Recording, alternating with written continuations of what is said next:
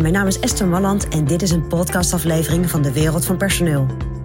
In mijn podcast deel ik graag mijn ideeën met je om op een slimme en simpele manier met je personeel om te gaan.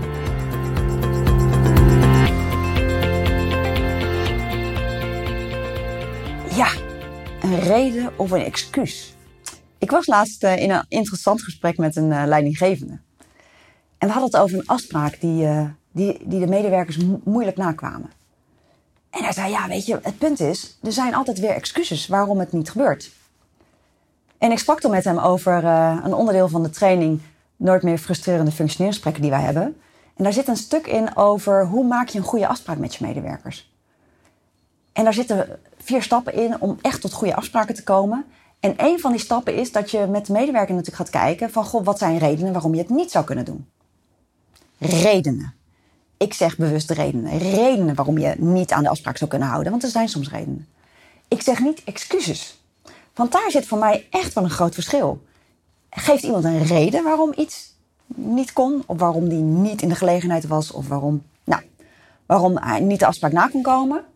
Of iets niet kon doen? Of is het een excuus? En ik denk dat jij het antwoord altijd al weet. Dus ga na op het moment dat iemand bij jou binnenstapt. Of iemand bij jou aan tafel zit. Of iemand aan de telefoon zit. En die zegt, ja, sorry. Nee, niet gelukt. Nee. Geef degene dan een reden. En een reden is dus iets wat logisch is, hè? Nee, klopt. Kan. Nou, kan voorkomen. Oké. Hoe heb je dan gehandeld? Of, joh, moeten we even een keus maken?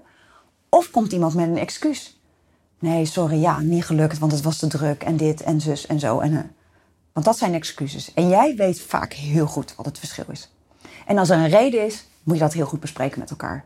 Want het kan een reden zijn die vaker voor gaat komen. En dan moet je kijken, oké, hoe gaan we daar dan mee om? En laat je medewerker dan goed nadenken zelf, hè, voordat jij met allerlei oplossingen komt. Dus laat je medewerker eerst nadenken over oplossingen. Maar komt je medewerker met een excuus? Ja, moet ik daar nog wat over zeggen? Nee, toch? Dus, ga na. Is dit een reden of is dit een excuus? Nou, dat is mijn persoonlijk advies vanuit de wereld van personeel.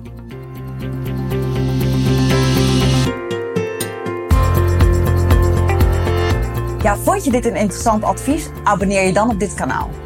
En wil je nog meer van onze gratis adviezen? Ga dan naar www.dewereldvanpersoneel.nl forward slash gratis. En daar vind je nog veel meer informatie. Bedankt voor vandaag voor het luisteren en tot de volgende keer.